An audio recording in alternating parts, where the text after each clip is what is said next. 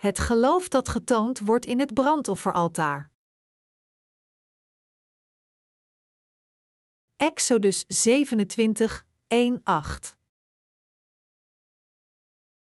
Gij zult ook een altaar maken van sittimhout, vijf ellen zal de lengte zijn, en vijf ellen de breedte, vierkant zal dit altaar zijn, en drie ellen zijn hoogte.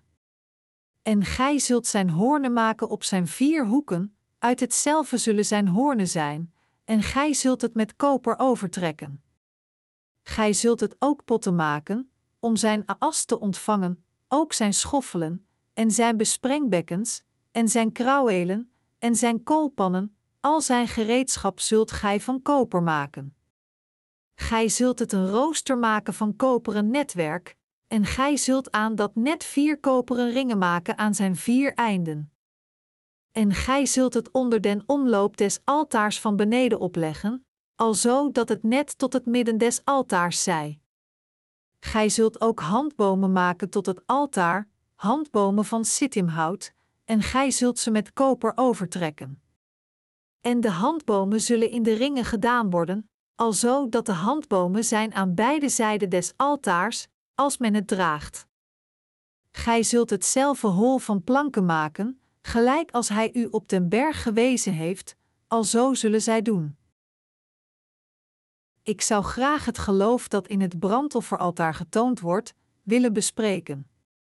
Wanneer het volk van Israël een van de 613 artikelen van de wet van God en de geboden, waaraan ze zich in het dagelijkse leven moesten houden, braken en als zij hun zonde erkenden, gaven zij God hun onbesmette offer volgens het opofferingssysteem dat door hem bepaald was. De plaats waar zij deze offers gaven, is het brandofferaltaar. De mensen van Israël ontvingen dus hun verlossing van de zonde door hun handen op het hoofd van het onbesmette offerdier te leggen, de keel ervan door te snijden en het bloed van het dier te nemen, dit bloed op de hoorns van het brandofferaltaar en de rest van de vloer te sprenkelen en het vlees ervan op dit brandofferaltaar te verbranden. Wat is de geestelijke betekenis van het brandofferaltaar? Het brandofferaltaar was 2,25 meter lang en breed en het was 1,35 meter hoog. Het was gemaakt van sittimhout en overlegd met brons. Altijd als de Israëli's naar dit brandofferaltaar keken, gingen ze zich realiseren dat zij degene waren die in hun gevangenschap opgesloten waren en die niet in staat waren om hun veroordeling te vermijden. En zij gingen zich ook realiseren dat zij vanwege hun zonden moesten sterven, net zoals het offerdier gedood werd. Maar zij gingen ook geloven dat de Messias naar deze aarde zou komen en hun zonden zou uitwissen door veroordeeld en gedood te worden, zoals het zondeoffer vanwege hun zonde veroordeeld en gedood werd. Het brandofferaltaar was een schaduw van Jezus Christus, onze Verlosser. Zoals de onbevlekte dieren geofferd werden met het opleggen van handen en het vergieten van het bloed, zo kwam Jezus Christus als de Zoon van God naar ons en droeg de veroordeling van al onze zonden. Net zoals het zondeoffer van het Oude Testament alle zonden moest accepteren door het opleggen van handen en door het bloed te vergieten, accepteerde hij alle zonden van de wereld die Johannes door het doopsel aan hem had doorgegeven, en hij droeg de veroordeling voor deze zonden door zijn bloed aan het kruis te vergieten. Op deze wijze toont het brandofferaltaar ons dat Jezus Christus met zijn doopsel al onze zonden op zich nam, aan het kruis stierf, van de dood herrees en ons daarmee redde. Om van hun zonden vergeven te worden, moesten de Israëli's hun zondeoffer aan het brandofferaltaar geven. Als we naar hoofdstuk 4 van het boek van Leviticus kijken, zien we dat altijd als de gezalfde priesters, de hele congregatie van Israël, een heerser of iemand van het gewone volk zondigde, zij hun verlossing van de zonde kregen door een zondeoffer voor God te brengen, hun handen op het hoofd van het dier te leggen, het te doden, het bloed ervan te nemen en het naar het brandofferaltaar te nemen en het aan God te offeren. Omdat dit brandofferaltaar de plaats was waar de Israëli's dagelijks hun zondeoffer gaven, was er in feite geen dag dat het er niet druk was. De Israëli's die hun zonde kwijt wilden, bereidden een onbevlekt dier voor en gaven het aan God op het brandofferaltaar als hun zondeoffer. Zondaars geven al hun zonden aan het offerdier door, doordat ze hun handen op het hoofd ervan leggen en als het oordeel voor deze zonden, het bloed van het dier nemen door de keel ervan door te snijden.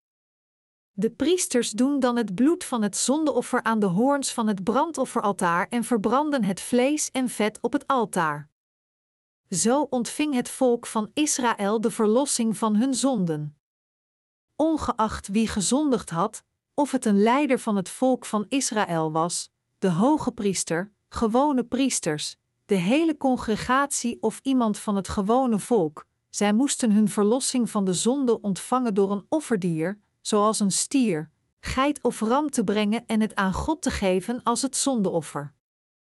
De zondaars of hun vertegenwoordigers moesten hun handen op het hoofd van het offer leggen, het doden, het bloed op de hoorns van het brandofferaltaar sprenkelen, de rest van het bloed op de grond sprenkelen en daarbij het vet van hun zondeoffer dat hun van hun zonde zou vergeven, verbranden. Daarom moesten velen hun offerdieren naar het brandofferaltaar brengen, hun handen op het hoofd van het offer leggen, het bloed ervan nemen en het aan de priesters geven. Wanneer offers aan het brandofferaltaar gegeven werden, moesten deze offers onbevlekt zijn.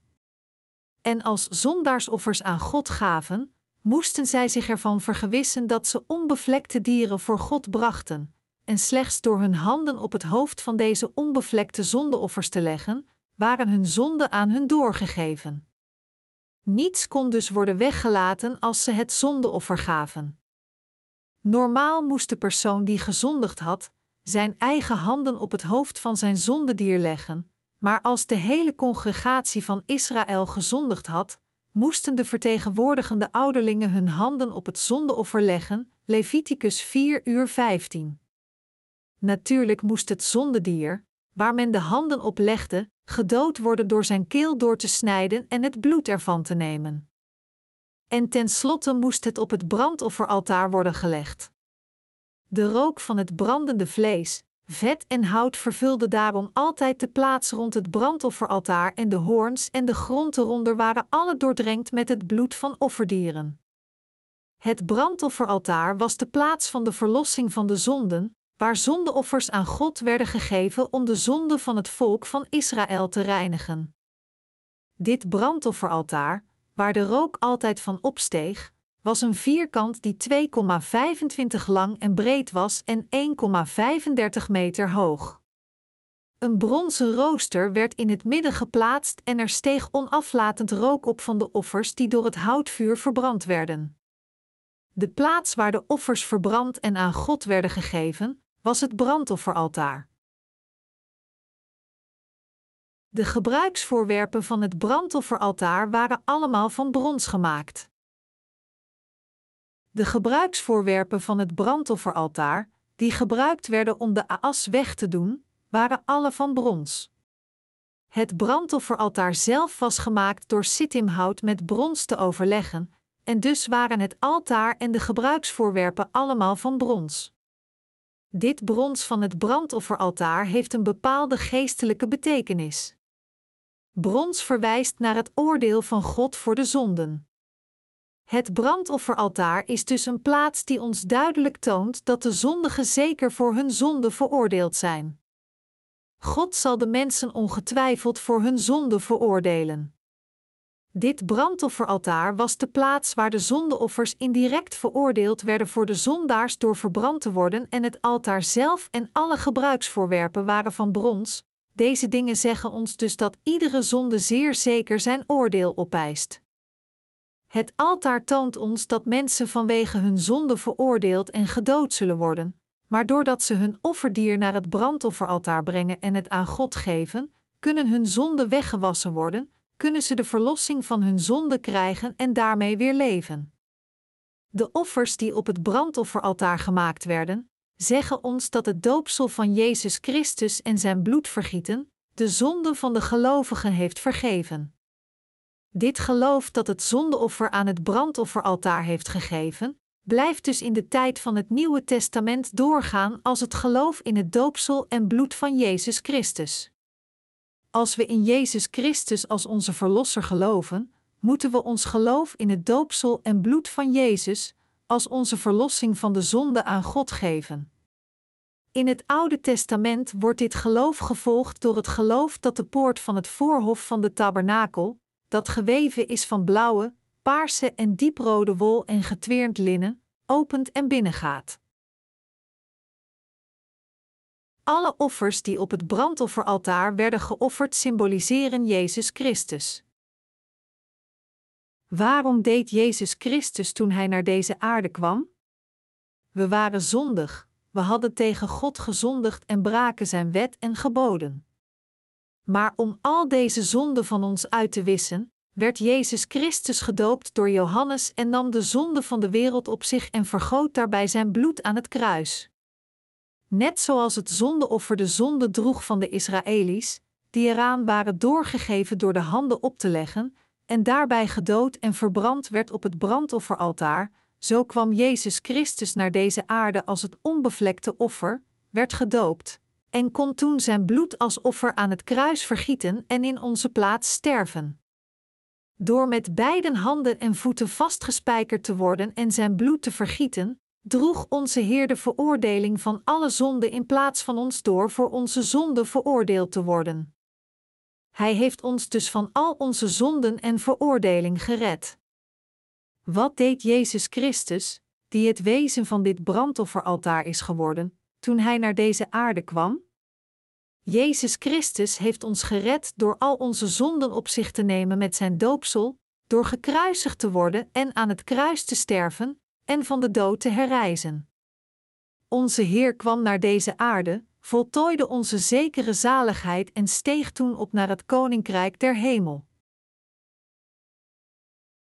Wij die slechts iedere dag kunnen zondigen.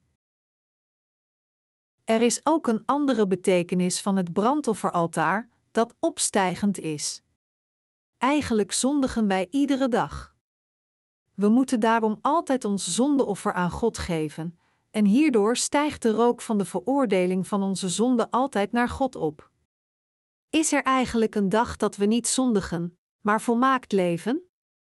Het zondeoffer van het volk van Israël was constant gegeven totdat de priesters te uitgeput waren om deze offers te geven die de ontelbare zonden van de Israëli's vergaven en ze dus niet meer konden uitvoeren. Omdat het volk van Israël iedere dag de wet brak en tegen God zondigde, moesten zij iedere dag hun zondeoffer geven.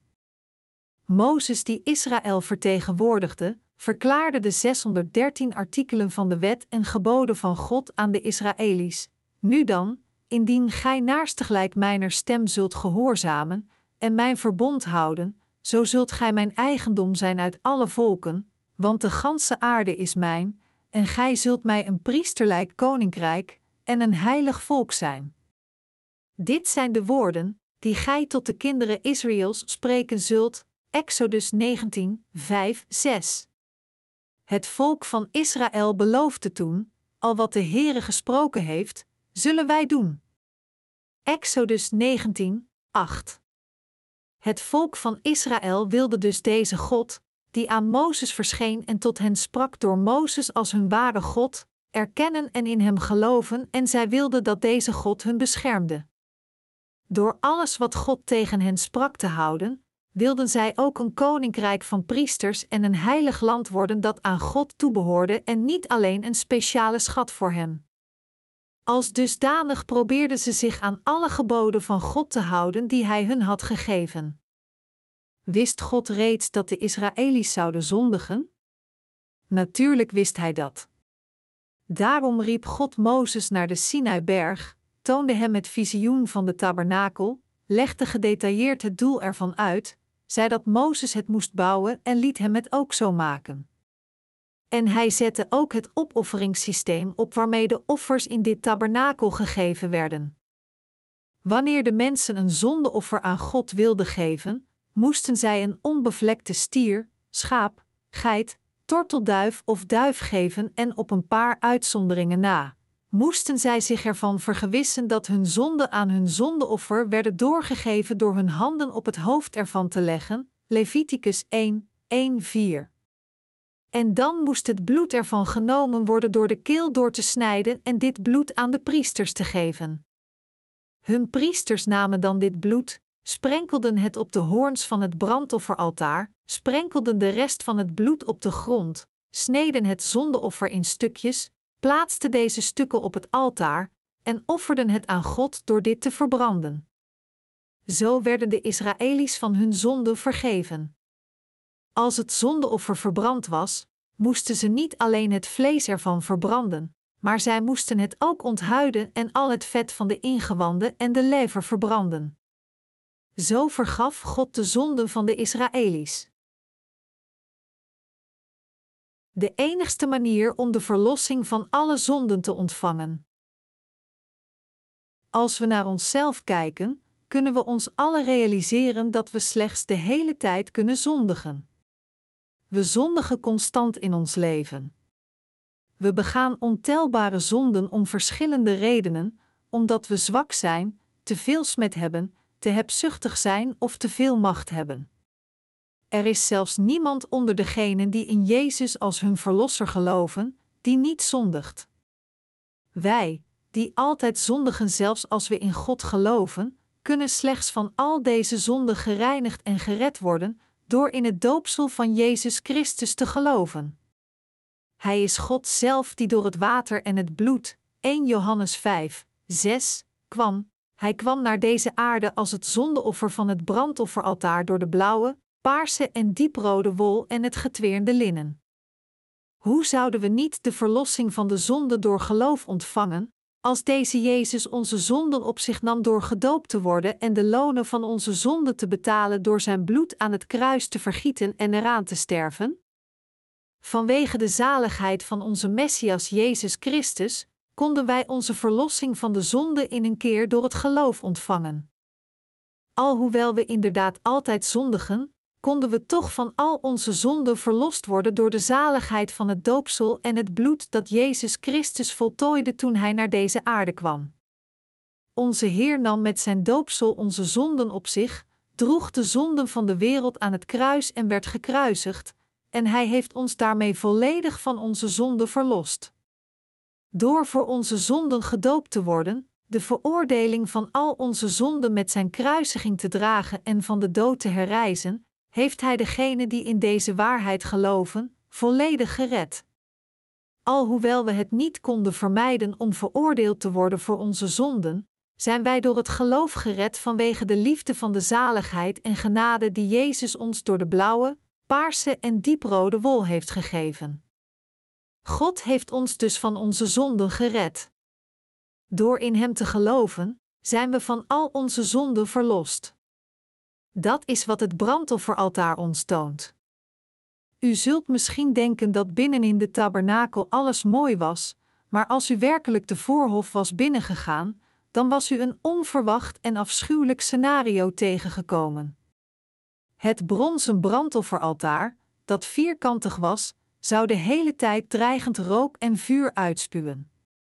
Het bronzen altaar zou op de zondaars wachten, terwijl de grond doordrenkt was in bloed, en iedereen zou zich realiseren dat dit de plaats van de veroordeling van de zonde was.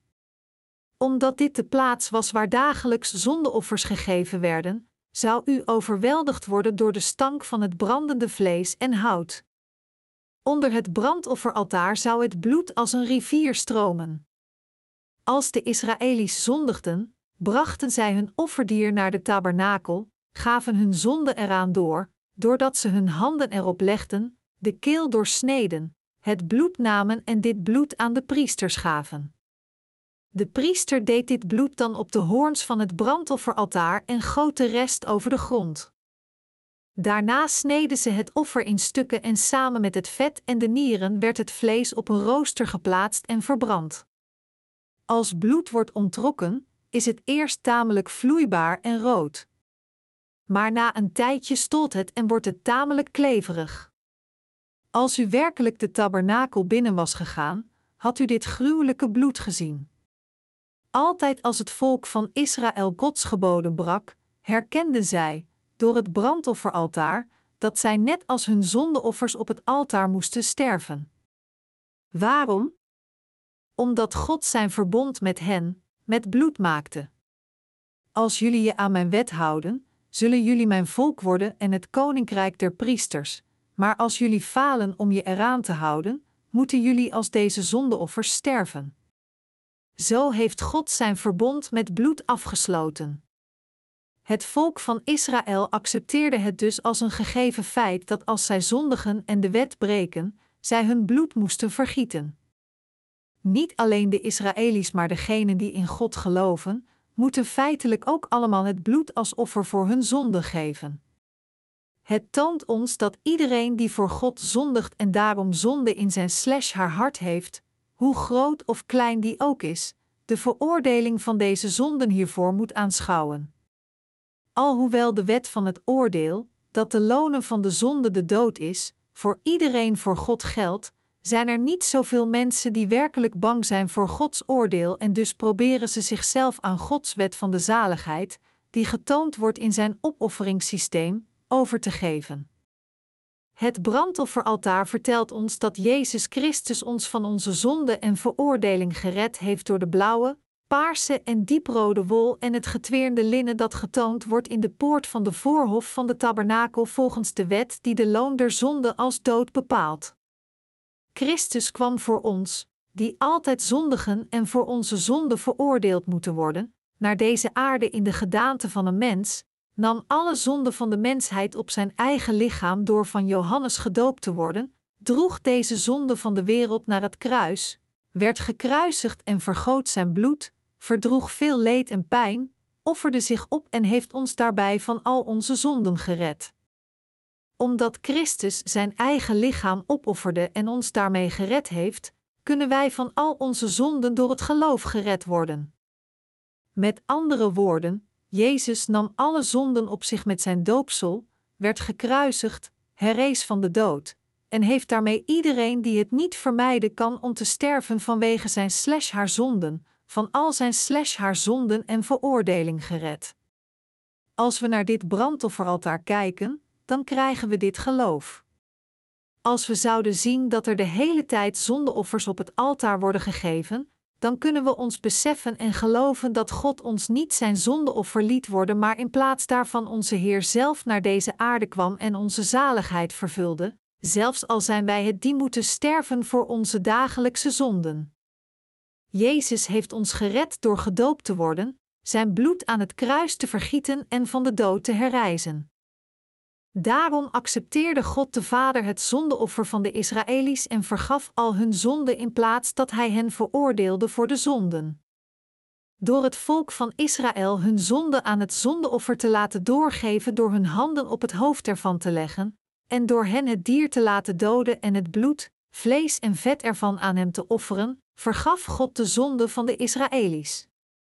Door dit zondeoffer heeft Hij ons ook van al onze zonden gereinigd. Dit was niets anders dan de genade van God en Zijn liefde. God heeft ons niet slechts door de wet vergeld. Als God u en mij en het hele volk van Israël alleen maar volgens Zijn wet zou moeten veroordelen, hoeveel zouden er dan op deze aarde overblijven? Als God ons slechts volgens Zijn wet zou meten en veroordelen, zou niemand van ons ook maar een dag leven. De grootste meerderheid van ons zou nog niet eens 24 uur bestaan, maar binnen enkele minuten sterven. Sommigen zouden binnen een uur sterven terwijl anderen het misschien tien uur volhouden, maar het verschil is onbeduidend. We zouden alle verdoemd zijn om te sterven. De mensen zouden niet in staat zijn om zo oud te worden als ze nu worden, terwijl ze leeftijden halen van 60, 70, 80 en ouder. Binnen een mum van tijd zou iedereen veroordeeld zijn. Denk maar aan wat er vanochtend gebeurde. Uw zoon wilt maar niet uit bed komen nadat hij de hele nacht doorgefeest had. Uw vrouw probeert hem wakker te maken.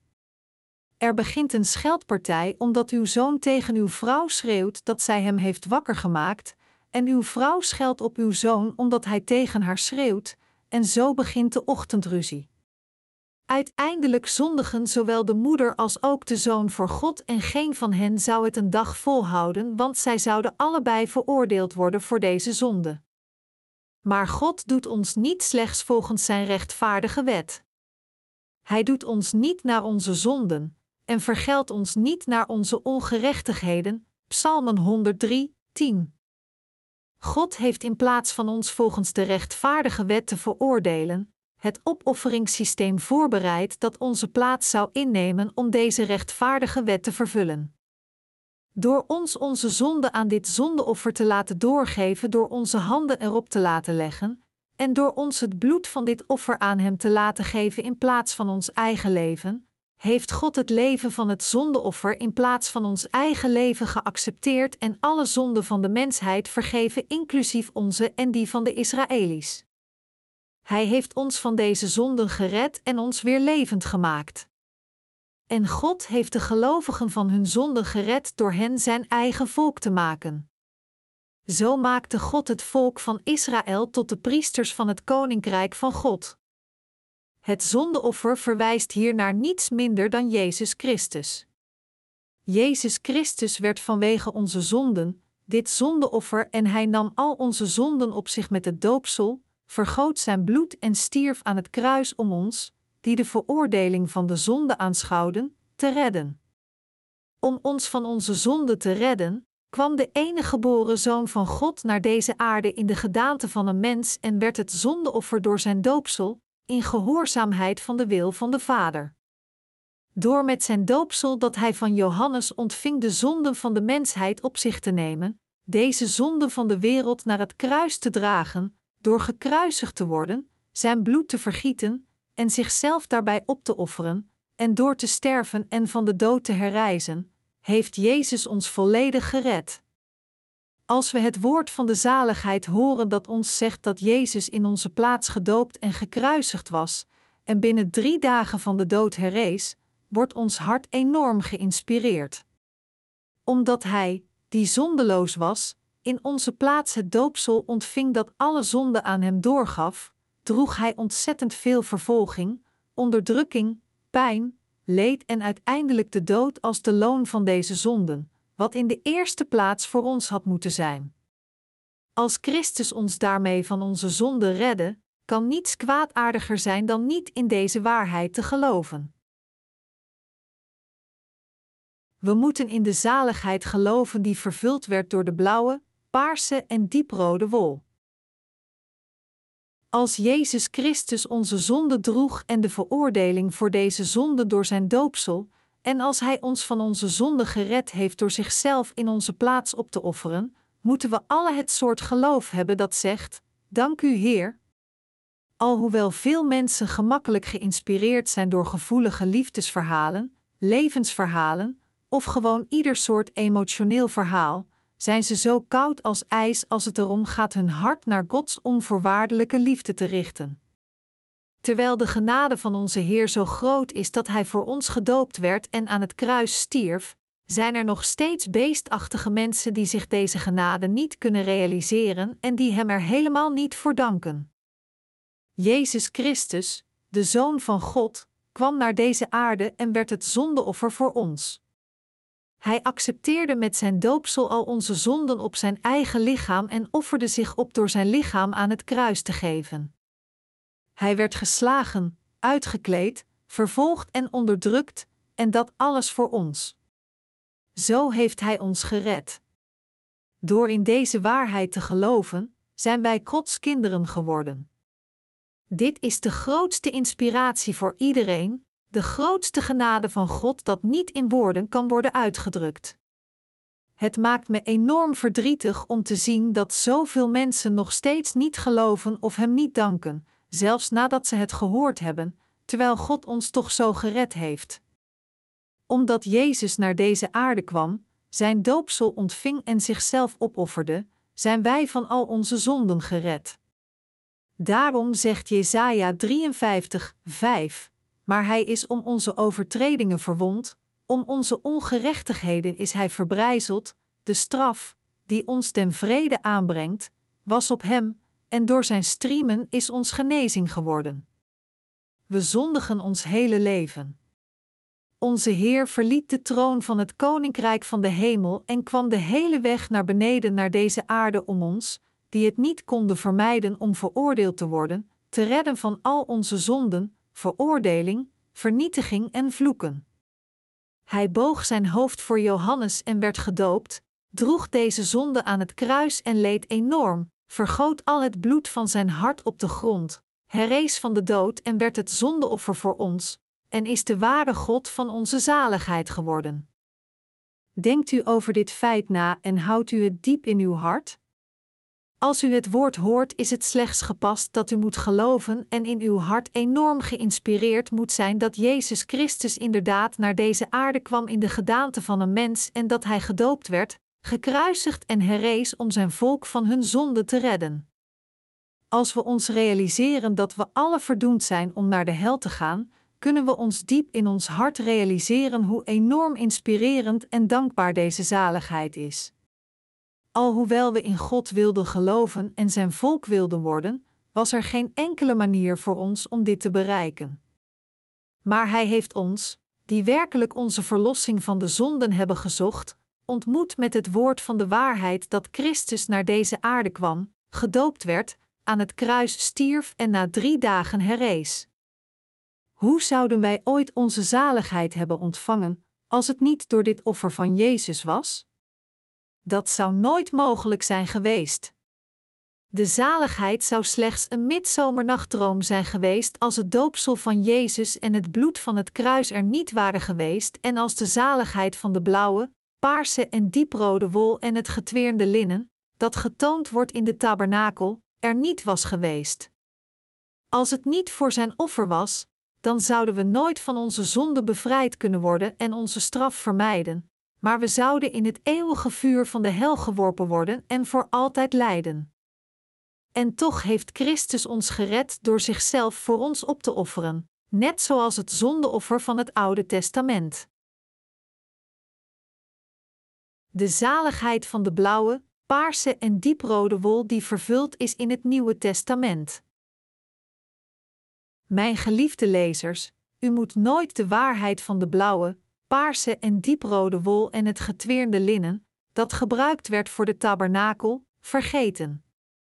Het getweerde linnen is het woord van het Oude en het Nieuwe Testament, het woord waarin God lang geleden beloofde dat Hij zelf, als onze eigen Verlosser, zou komen en volgens deze belofte kwam Jezus Christus naar deze aarde. De blauwe wol vertelt ons dat Christus al onze zonden op zich nam door zijn doopsel toen hij naar deze aarde kwam. Hij was dus gedoopt volgens de belofte dat hij ons van onze zonden zou redden en ons zou verlossen van onze veroordeling. Om onze zonden en de zonden van iedereen van deze wereld op zich te nemen, werd hij door Johannes gedoopt en droeg hij inderdaad alle zonden van de wereld. We moeten dit nooit vergeten, want als we vergeten dat Jezus als ons zondeoffer kwam en al onze zonden op zich nam door zijn doopsel, zou er geen zaligheid zijn. We leven in deze wereld terwijl we veel vaker zelfbelang aan onszelf hechten. Het hart van de mensen is dusdanig dat zij het niet kunnen tolereren als iemand anders opschept, maar zelf scheppen zij desalniettemin graag op. Maar er kwam een moment dat ik begon op te scheppen over iemand anders dan mezelf. En dit was toen ik Jezus dankbaar was voor dat Hij me door de blauwe, paarse en dieprode wol en het getweerde linnen gered heeft.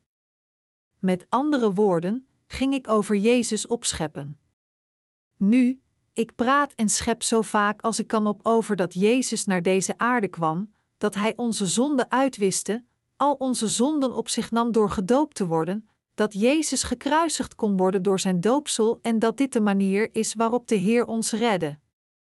Ik bleef over deze waarheid opscheppen, het preken en alle heerlijkheid aan God geven. En toch zijn er te veel mensen die, alhoewel ze beleiden dat ze in Jezus geloven, het woord preken terwijl ze zijn doopsel weglaten of slechts over zichzelf opscheppen terwijl ze zijn naam gebruiken. Er was eens een bedrieglijke geestelijke die beweerde dat hij slechts 300 dollar per maand uitgaf om te leven. Alsof dat een goede eigenschap is, schepte hij erover op dat hij kon rondkomen van 300 dollar per maand, en dat hij geen geld hoefde mee te nemen als hij reisde, omdat zijn volgelingen al zijn onkosten zouden betalen. Maar is het geld van de gelovigen soms geen geld? Telt dit geld dan helemaal niet, terwijl zijn geld wel telt? Deze christelijke leider beweerde dat hij slechts hoefde te bidden als hij iets nodig had. God, dek mijn reiskosten. Ik geloof in u, Heer.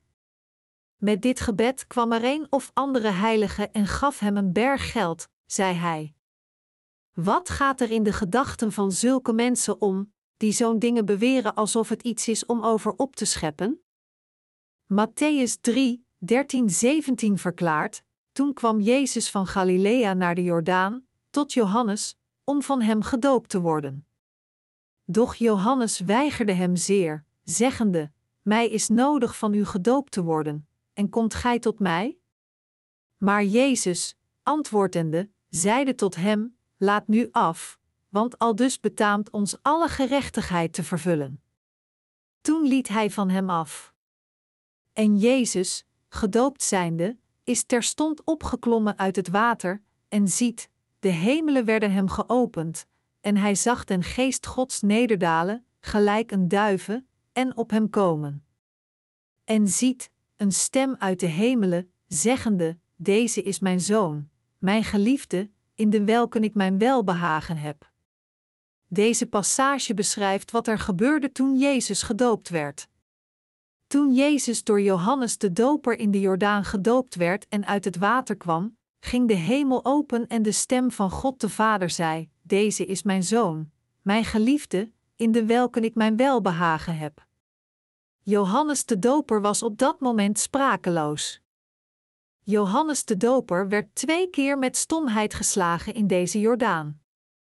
De eerste keer was hij verbaasd toen hij zag dat Jezus naar hem kwam om gedoopt te worden door hem, en daarna was hij weer verbaasd nadat Jezus gedoopt was en de hemel zich opende en hij de stem van God de Vader hoorde zeggen: Deze is mijn zoon, mijn geliefde, in de welke ik mijn welbehagen heb. Wat is de reden dat Jezus door Johannes de Doper gedoopt werd? Matthäus 3 uur 15 geeft ons hier het antwoord. Laat ons de versen 15 en 16 nog eens lezen. Maar Jezus, antwoordende, zeide tot hem: Laat nu af, want aldus betaamt ons alle gerechtigheid te vervullen. Toen liet hij van hem af. Toen liet hij van hem af. En Jezus, gedoopt zijnde, is terstond opgeklommen uit het water, en ziet, de hemelen werden hem geopend, en hij zag den geest Gods nederdalen, gelijk een duiven, en op hem komen.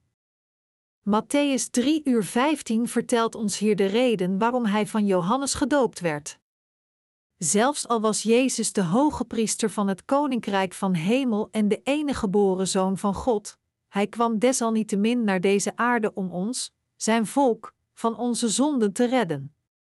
Met andere woorden, Jezus kwam naar deze aarde als het zondeoffer dat de loon van onze zonden betaalde door deze zonden op zich te nemen en in onze plaats geofferd te worden. Daarom wilde Jezus door Johannes gedoopt worden. Maar waarom was Jezus door niemand minder dan Johannes de Doper gedoopt? Omdat Johannes de Doper de vertegenwoordiger van de mensheid was, want hij was de grootste die geboren was van de vrouwen. Matthäus 11 uur 11 zegt: Onder degenen die van vrouwen geboren zijn, is niemand opgestaan meerder dan Johannes de Doper. Johannes de Doper was de dienaar van God die in de tijd van het Oude Testament geprofeteerd wordt in het boek van Malachi: Ziet, ik zende ulieden den profeet Elia, eer dat die grote en die vreselijke dag des Heren komen zal. Maleachi 4, 5. Johannes de Doper was deze Elia die God beloofde te zenden. Waarom noemde God Johannes de Doper Elia? Elia was een profeet die de harten van de Israëli's weer naar God keerde. In die tijd aanbad het volk van Israël Baal als hun God, maar Elia toonde hun duidelijk wie de echte God was, of het Baal of Jehovah God was. Hij was de profeet die met zijn geloof en door het zondeoffer aan het volk van Israël toonde wie werkelijk de levende God was en hij leidde daarmee degenen die afgoden hadden aanbeden, terug naar de ware God. Daarom beloofde God op het eind van het Oude Testament: Ik zal je Elia sturen.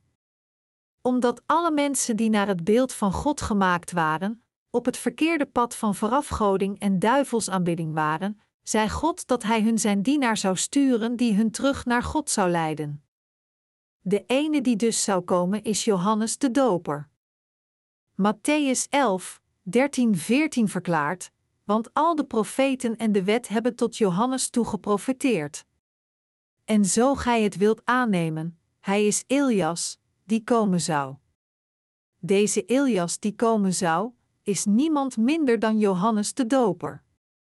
In vers 11-12 staat geschreven: Voorwaar zeg ik u, onder degenen die van vrouwen geboren zijn, is niemand opgestaan meerder dan Johannes de Doper, doch die de minste is in het koninkrijk der hemelen, is meerder dan hij. En van de dagen van Johannes den Doper tot nu toe, wordt het koninkrijk der hemelen geweld aangedaan, en de geweldigers nemen hetzelfde met geweld. Dus als er staat dat er onder degenen, die van vrouwen geboren zijn, is niemand opgestaan meerder dan Johannes de Doper, dan betekent het dat God Johannes de Doper als de vertegenwoordiger van de hele mensheid verhief.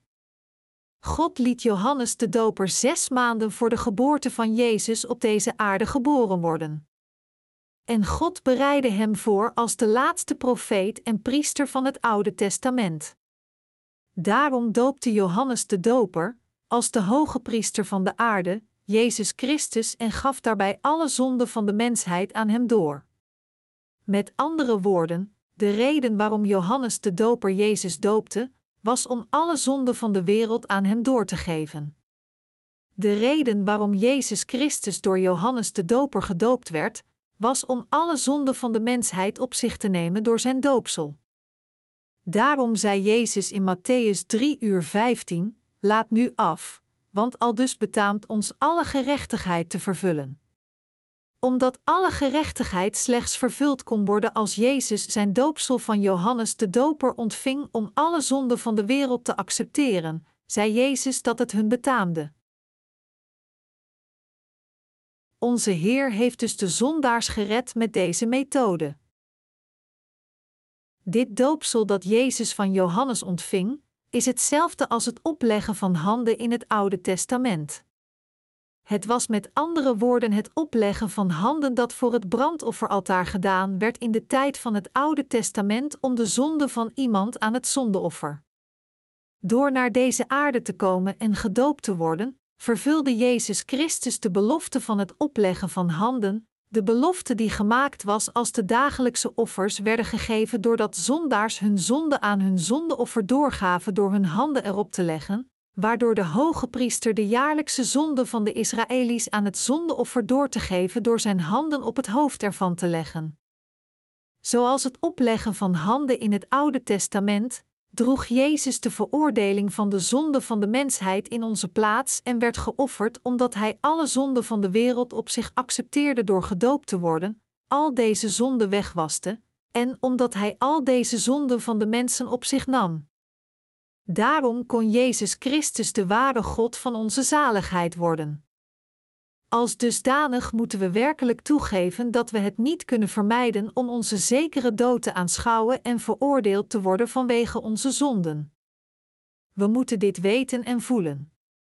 En we moeten ons realiseren dat Jezus Christus onze Verlosser ons heeft gered door naar deze aarde te komen en opgeofferd te worden voor ons, dat wil zeggen door zijn werken van zaligheid met zijn doopsel, kruisiging, en herrijzenis heeft Jezus Christus ons van al onze zonden gereinigd en ons volledig van onze zonden gered. We moeten ook geloven dat Jezus ons de gave van de zaligheid heeft gegeven, dat Hij onze zaligheid heeft vervuld en ons deze vervulde zaligheid als Zijn gave aan ons heeft gegeven.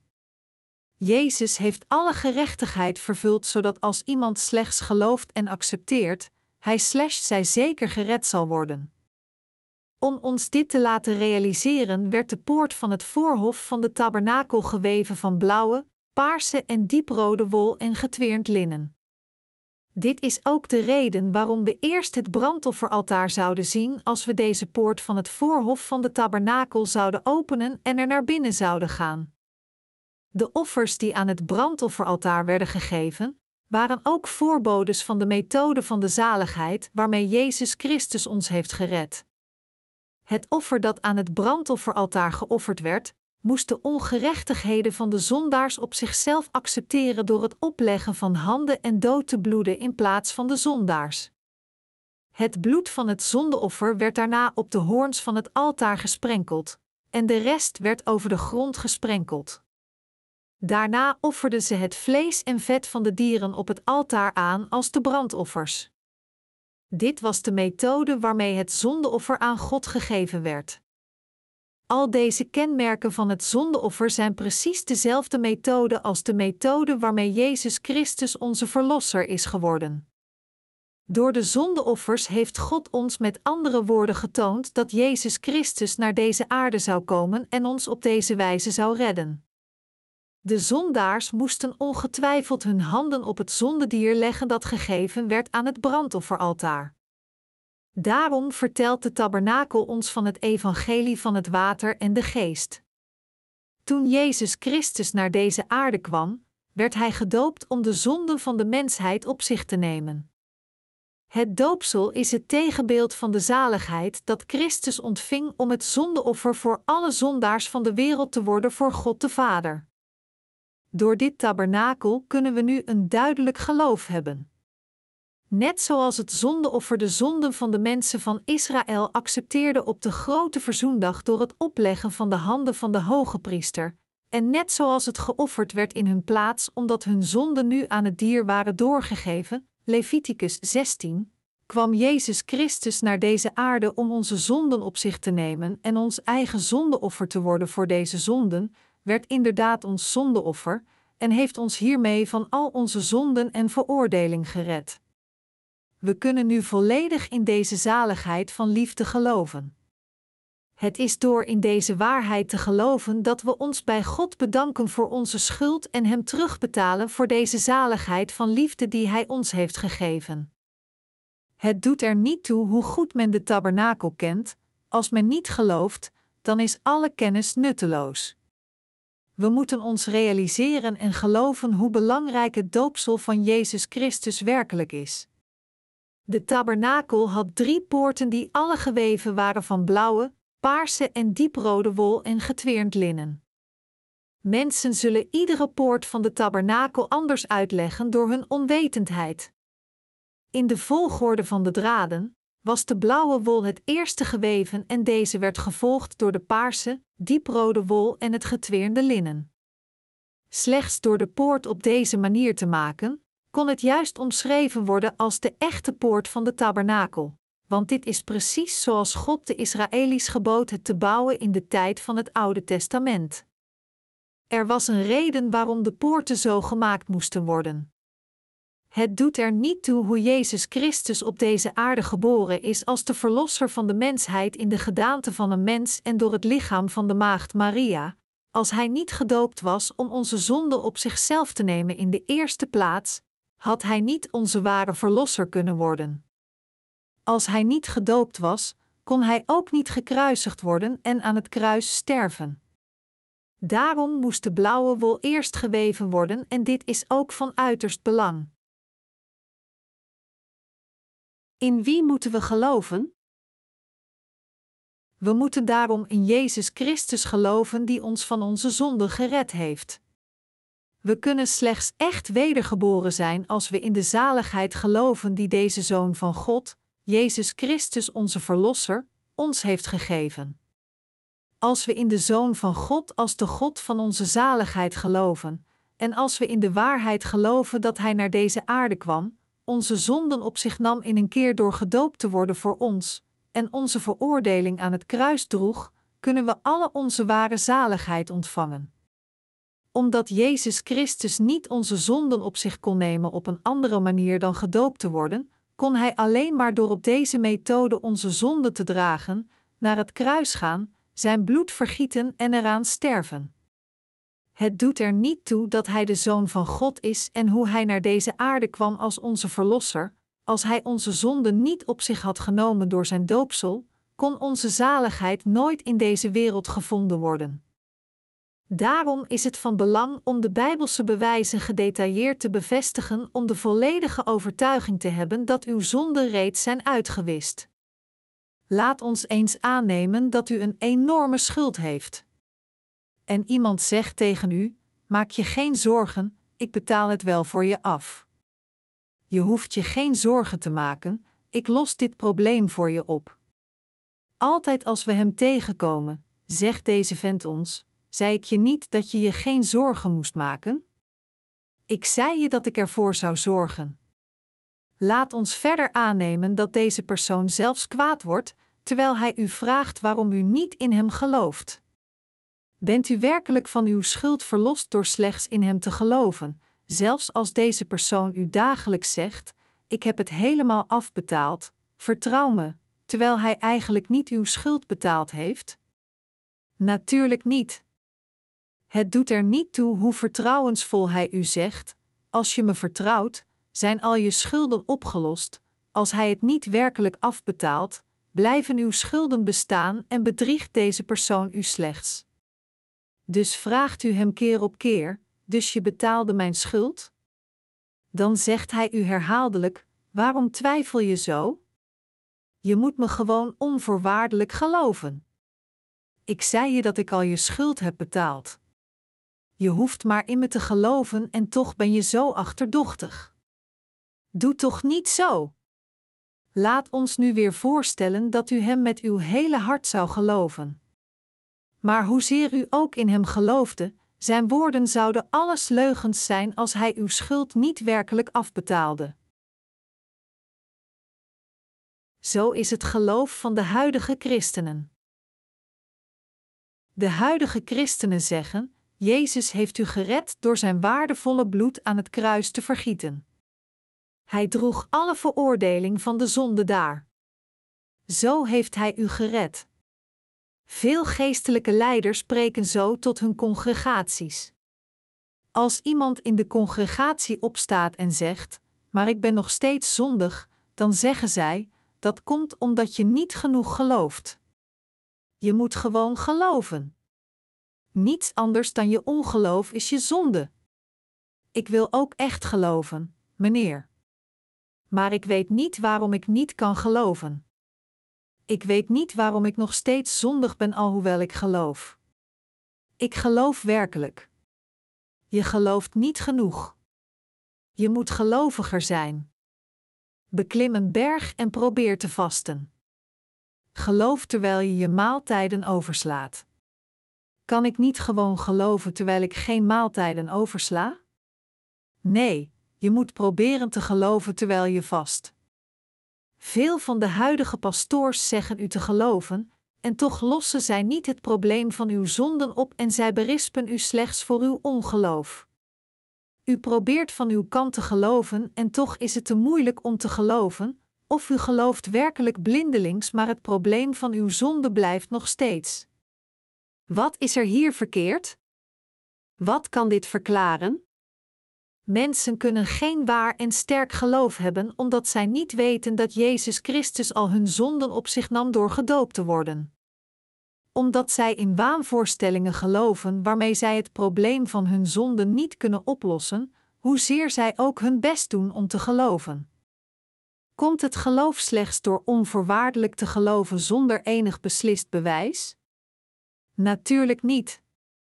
Het volledige geloof komt alleen in een keer wanneer u weet hoe het probleem van de zonde werkelijk opgelost werd en als u erin gelooft. Alhoewel ik in u getwijfeld heb, is het te overduidelijk dat u reeds de problemen van mijn zonden heeft opgelost. Hoe hard ik ook probeer om niet te geloven, ik kan er niets aan doen dan slechts in uw zaligheid te geloven, want deze zaligheid is zo zeker. Dank u voor het oplossen van mijn probleem. Alhoewel we in het begin zullen twijfelen, kunnen we uiteindelijk niet meer twijfelen omdat het bewijs van onze zaligheid zo zeker is. Als teken van onze zaligheid en het bewijs heeft Jezus ons zijn ontvangst getoond dat het evangelie van het water en de geest wordt genoemd. Ik heb al jullie schulden op deze wijze afbetaald. Slechts als we naar dit bewijs kijken dat toont dat al onze schulden zijn afbetaald, kan het ware geloof tot ons komen. We kunnen niet geloven, ook al beleiden we dat we in God geloven, zeggen dat Jezus Christus, God zelf, onze Verlosser is en beweren dat we in de Verlosser geloven, als we geen bewijs hebben van hoe Hij ons heeft gered en hoe onze zonden uitgewist zijn. Met andere woorden, we kunnen geen sterke overtuiging hebben tenzij we het ontvangstbewijs gezien hebben dat de volle betaling van de loon van onze zonde toont. Mensen die geloven zonder dit ontvangstbewijs te hebben gezien, zullen overkomen alsof zij een sterk geloof hebben, maar hun geloof is in feite gewoon blind. Het is meer dan een fanatiek geloof. Beschouwt u een fanatiek geloof als een goed geloof? Hoe zou u het vinden als een pastoor met een fanatiek geloof hetzelfde fanatisme van anderen verlangde? Geloof. Ontvang het vuur. Vuur, vuur, vuur. De Heilige Geest dat als het vuur is, vul ons met het vuur. Ik geloof dat de Heer u alle zal zegenen. Ik geloof dat Hij u alle rijk zal maken. Ik geloof dat Hij u alle zal zegenen. Ik geloof dat Hij u alle zal helen. De oren van het publiek zullen gaan suizen en hun hart zal gaan razen als zo'n pastoor dit soort show vertoont.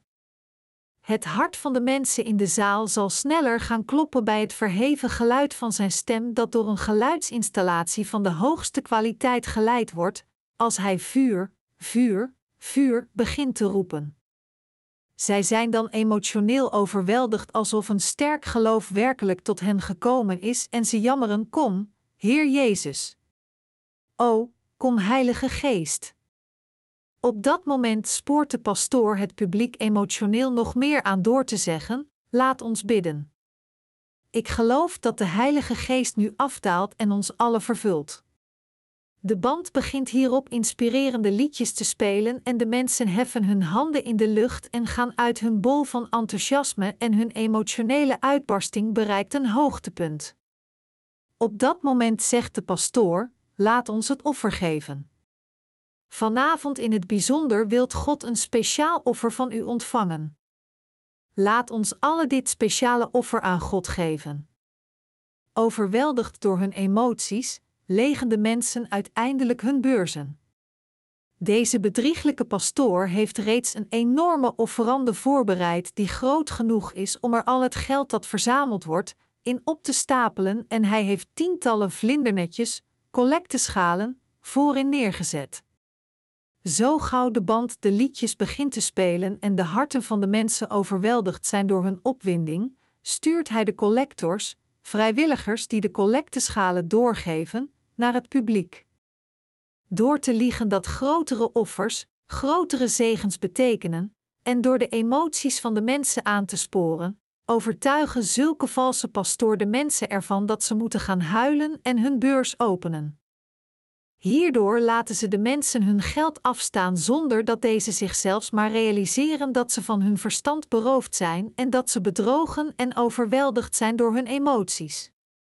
Dit is niet op het woord van God gebaseerd nog op enige preek, maar het is een fanatiek en blinde handeling die al bijna op fraude lijkt. Zo sporen de pastoors wiens geloof fanatiek is, de emoties van de mensen aan om hun eigen heimelijke doelen te bereiken. Als we weten dat onze Heer onze zonden op zich nam door zijn doopsel en als we in deze Jezus Christus als onze Verlosser geloven, dan zijn we niet ontzet, maar blijven we rustig. Het enigste dat ons stilletjes inspireert is dat Jezus onze zonden met zijn doopsel droeg en gekruisigd was. Als we erover nadenken dat Jezus, God zelf, met zijn doopsel onze zonden op zich nam en stierf om de loon voor deze zonde te betalen, kunnen we enorm dankbaar zijn en ons hart zal worden gevuld met een grote vreugde. Deze rustige inspiratie in ons hart is echter veel groter dan alles andere in deze wereld, geen enkele romantische liefdesverklaring en geen enkel geschenk van de meest waardevolle diamant van deze wereld kunnen ons ooit meer dan dit inspireren. De emotioneel georiënteerde inspiratie van de fanatici houdt daarentegen niet lang stand. Alhoewel zij een tijdje deze inspiratie in zich hebben, kunnen zij hun gezicht slechts in schaamte verbergen als zij iedere dag zondigen en door zulke zonden onteerd zijn. Waarom zondig ik nog steeds iedere dag als Jezus onze veroordeling droeg en voor ons aan het kruis stierf? Dus verliezen zij hun aanzien en kunnen met het verstrijken der tijd niet langer geïnspireerd worden, erger nog, zij kunnen uit schaamte zelfs niet naar God gaan. Daarom heeft God ons het brandofferaltaar getoond. Het zondeoffer dat volgens het opofferingssysteem aan dit brandofferaltaar gegeven werd, was niemand minder dan Jezus Christus onze Verlosser. Als dusdanig toont het brandofferaltaar dat Jezus naar deze aarde kwam en ons in feite in een keer heeft gered door de blauwe, paarse en dieprode wol en het getweerde linnen. God liet ons dit brandofferaltaar zien en Hij wil dat we gered worden door erin te geloven. Wat moeten we doen in dit tijdperk? Er zijn veel dingen die wij, de wedergeborenen, moeten doen in dit tijdperk. Ten eerste moeten we het evangelie van het water en de geest over de hele wereld preken. We moeten de waarheid aan degenen verspreiden die onwetend blijven ten opzichte van deze waarheid van de blauwe, paarse en dieprode wol en het getweerde linnen, en we moeten ze daarbij helpen om gered te worden van de veroordeling van het vuur van de hel. Waarom? Omdat er veel mensen zijn die Jezus volgen zonder zichzelf maar te realiseren en te geloven in het evangelie van het water en de geest dat in de tabernakel getoond wordt. Om deze waarheid aan hen te verspreiden, zijn er nog steeds veel dingen die we doen moeten. We moeten onze boeken uitgeven die over de hele wereld verzonden worden, van het vertalen, controleren en corrigeren tot het maken van deze boeken tot het verzekeren van de noodzakelijke financiën om ze te drukken en naar landen over de hele wereld te verzenden. Er zijn inderdaad veel werken die gedaan moeten worden. Als we dus naar onze medewerkers en dienaren kijken, zien we hoe druk zij alle bezig zijn. Omdat alle heiligen en werkers van Gods kerk op deze manier zo druk bezig zijn, hebben ze het lichamelijk soms moeilijk. Men zegt dat marathonlopers een bepaald punt bereiken in hun 42,195 kilometer lange loop dat zij zo uitgeput zijn dat zij nog niet eens zeker zijn of ze rennen of iets totaal anders aan het doen zijn. Dus extreme uitputting zou ze mentaal leegmaken. Misschien hebben wij nu ook dit punt bereikt in onze loop voor het evangelie. Terwijl we ons leven leiden voor het evangelie is hetzelfde als een lange afstand te rennen naar ons doel zonder te stoppen, net zoals marathonlopers dat doen. Omdat ons rennen voor het evangelie door moet gaan tot de dag dat onze Heer komt, zullen we alle moeilijkheden aanschouwen. Maar omdat onze Heer in ons is, omdat we het evangelie van het water en de geest hebben, omdat ons geloof gelooft dat de Heer ons met de blauwe, paarse en dieprode wol en getweerd linnen gered heeft, en omdat we in de meest zekere waarheid geloven, kunnen we alle nieuwe kracht ontvangen. Omdat Jezus ons de gave van de zaligheid heeft gegeven, hebben wij deze gave ontvangen. Onze vleeselijke moeilijkheden maken ons dus geen zorgen. Integendeel, hoe moeilijker het wordt, hoe meer kracht de rechtvaardigen zullen vinden. Ik dank de Heer werkelijk. Geestelijk in ons hart, onze gedachten en door onze eigenlijke omgeving kunnen we de nieuwe kracht voelen die onze Heer ons heeft gegeven en dat Hij met ons is. Omdat we kunnen voelen dat Hij ons helpt en ons houdt en dat Hij met ons is, geven we zelfs nog meer dank aan Hem. Zo zei ook de apostel Paulus: Ik vermag alle dingen door Christus, die mij kracht geeft. Filippenzen 4 uur 13. We beleiden daarom iedere dag dat we helemaal niets kunnen doen als de Heer ons geen kracht geeft. Jezus Christus werd niet alleen gedoopt voor ons, maar hij werd ook voor ons opgeofferd door gekruisigd te worden. Hij aanschouwde zijn eigen dood, herrees van de dood en is daarmee onze ware verlosser geworden. Altijd als we naar het brandofferaltaar kijken, herinneren we onszelf aan deze waarheid. Het brandofferaltaar was gemaakt van sittimhout en het was helemaal overlegd met dik brons. Het was ongeveer 1,35 meter hoog, en het rooster, een netwerk van brons, werd in het midden geplaatst op ongeveer 68 centimeter hoogte. Het vlees van de offers werd op dit rooster geplaatst en verbrand. Als we naar het brandofferaltaar kijken, moeten we in staat zijn onszelf te zien zoals we zijn. We moeten ook in staat zijn te zien dat Jezus Christus onze zonden op zich nam door in zijn vlees gedoopt te worden en dat Hij alle veroordeling droeg voor onze zonden door zijn bloed aan het kruis te vergieten. U en ik kunnen het werkelijk niet vermijden om voor God te sterven vanwege onze zonden en veroordeling. Vanwege onze zonden en veroordeling kunnen wij het niet vermijden te sterven en voor altijd vervloekt te worden. Maar omdat Jezus Christus, die naar deze aarde kwam als het eeuwige verzoenoffer, voor ons gedoopt werd en stierf, net als het zondeoffer van het Oude Testament, zijn wij gered. Een offerdier ziet er misschien schattig en lief uit als het leeft, maar ziet het er niet gruwelijk uit als het doodbloed met zijn keel opengesneden nadat het de zonden heeft geaccepteerd door het opleggen van handen? Dat wij, die op zo'n gruwelijke manier verdienen te sterven, van onze veroordeling zijn ontsnapt, is werkelijk een grote zegen. Deze zegen is mogelijk geworden omdat de Heer ons de gave van de zaligheid heeft gegeven. Net zoals in de blauwe, paarse en dieprode wol en het getweerde linnen getoond wordt, kwam Jezus Christus naar deze aarde in de gedaante van een mens, heeft ons door zijn doopsel en bloed aan het kruis gered en heeft ons daarmee de ware gave van de zaligheid gegeven. God heeft ons dus de gave van de zaligheid gegeven. Gelooft u dit in uw hart? Gelooft u in deze gave van de zaligheid, de liefde van Jezus? We moeten alle dit geloof hebben. Als we naar het brandofferaltaar kijken, moeten we ons realiseren dat Jezus Christus ons op deze manier gered heeft. Hij werd geofferd op deze manier om ons de gave van de zaligheid te geven. Net zoals handen op het zondeoffer werden gelegd en dit zondeoffer dood bloedde, heeft Jezus ons onze zaligheid gegeven door op deze manier te lijden. Zo heeft Hij ons van onze zonden gered. We moeten dit realiseren, in ons hart geloven voor God en Hem met ons hele hart danken. God wil dat we de gaven en liefde van de zaligheid, die Hij ons heeft gegeven, ontvangen door geloof. Hij wil dat we in ons hart in de zaligheid van het doopsel en het bloed van het kruis geloven dat Hij vervulde door te komen uit het water en de geest. Ik hoop dat u alle met uw hart in de liefde van onze Heer gelooft en in uw hart werkelijk Zijn gave van de zaligheid accepteert. Accepteert u het werkelijk in uw hart? Wie werd er op deze wijze voor u geofferd? Ik zag eens een getuigenispamflet waarop geschreven stond: Wie zal er voor u sterven? Wie ontmoette u vandaag die u troostte? Jezus Christus werd voor u opgeofferd. Is uw hart hierdoor niet getroost? Wie droeg werkelijk uw zonden door gedoopt te worden en stierf aan het kruis in uw plaats om al uw zonden uit te wissen?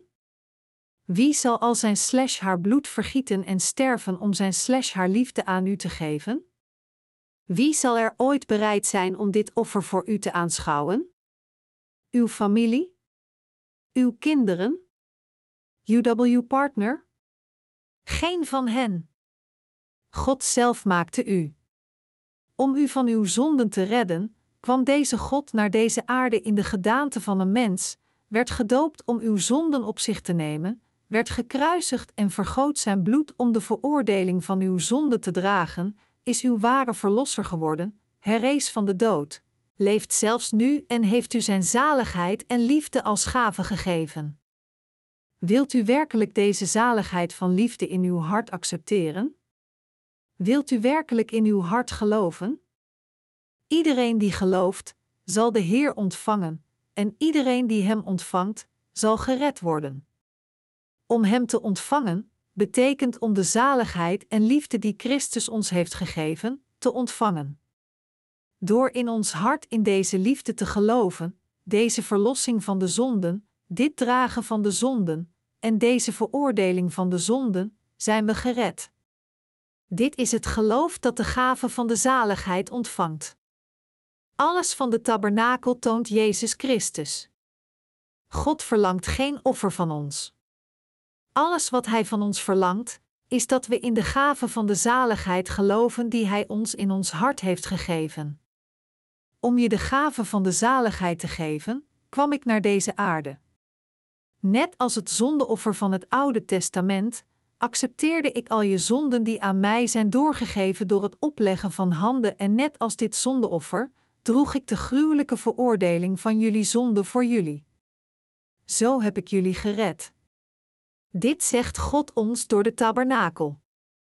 Het doet er niet toe hoe God ons dus gered heeft, ons zoveel heeft liefgehad en ons de gave van de volmaakte zaligheid zo heeft gegeven, als we niet geloven is alles nutteloos. Het zout in uw keukenkastje moet eerst in uw soep worden gedaan voordat de soep gezouten is, en zo moeten we ook in ons hart geloven, anders is zijn volmaakte zaligheid volledig nutteloos. Als we in ons hart niet voor het evangelie van het water en de geest danken en het in ons eigen hart accepteren, wordt het offer van Jezus waardeloos. De zaligheid kan slechts van u zijn als u precies weet welk offer en liefde Jezus, God de Verlosser, u gegeven heeft, als u dit in uw hart accepteert en Hem ervoor dankt. Als u Christus' gave van de volmaakte zaligheid niet in uw hart accepteert, maar het slechts met uw hoofd begrijpt, dan is het volledig nutteloos. U hoeft alleen maar de waarheid te grijpen.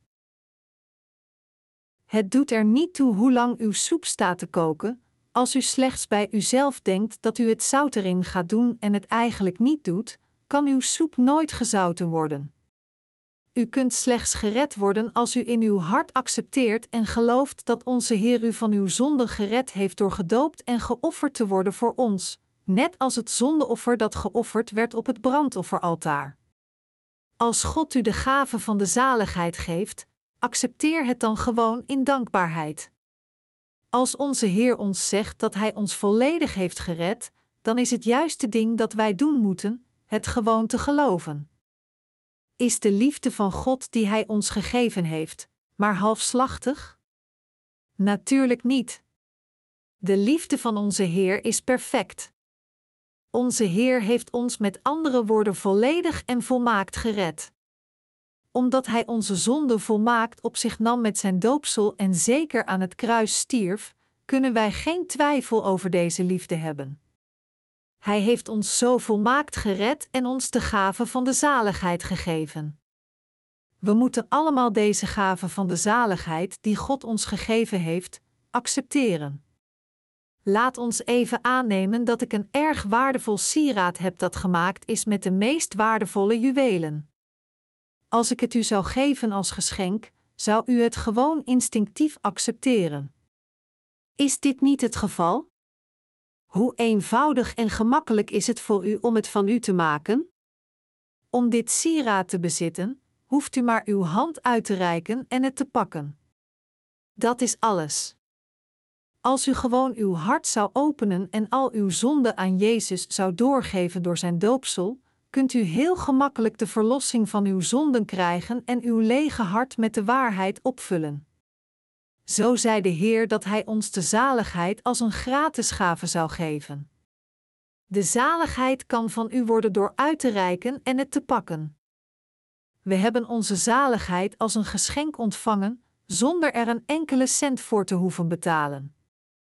En omdat God de ene is, die behaagd is om dit geschenk te geven aan iedereen die het wilt ontvangen, zijn degenen die het in dankbaarheid hebben ontvangen, gezegend.